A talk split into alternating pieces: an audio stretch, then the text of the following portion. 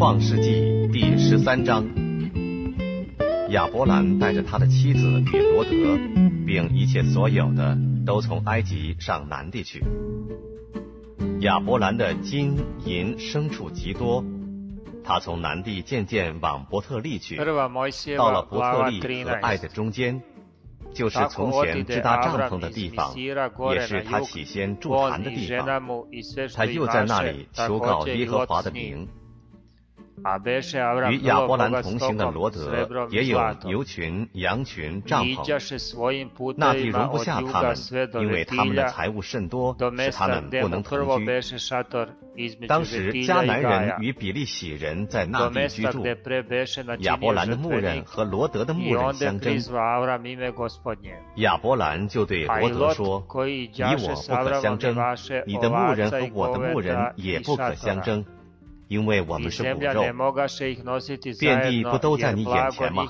请你离开我，你向左我就向右，你向右我就向左。罗德举目看见约旦河的全平原，直到索尔，都是滋润的。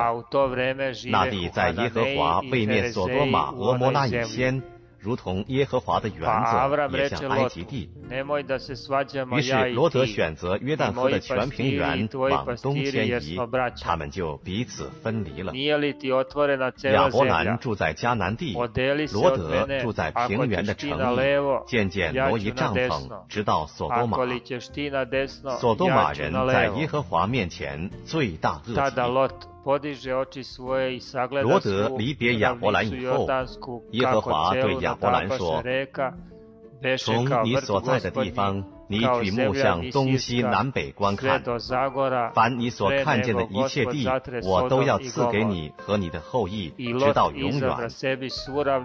我也要使你的后裔如同地上的尘沙那样多。人若能数算地上的尘沙，才能数算你的后裔。”你起来纵横走遍这地，因为我必把这地赐给你。亚伯兰就搬了帐篷，来到希伯伦曼密的橡树那里居住，在那里为耶和华筑了一座坛。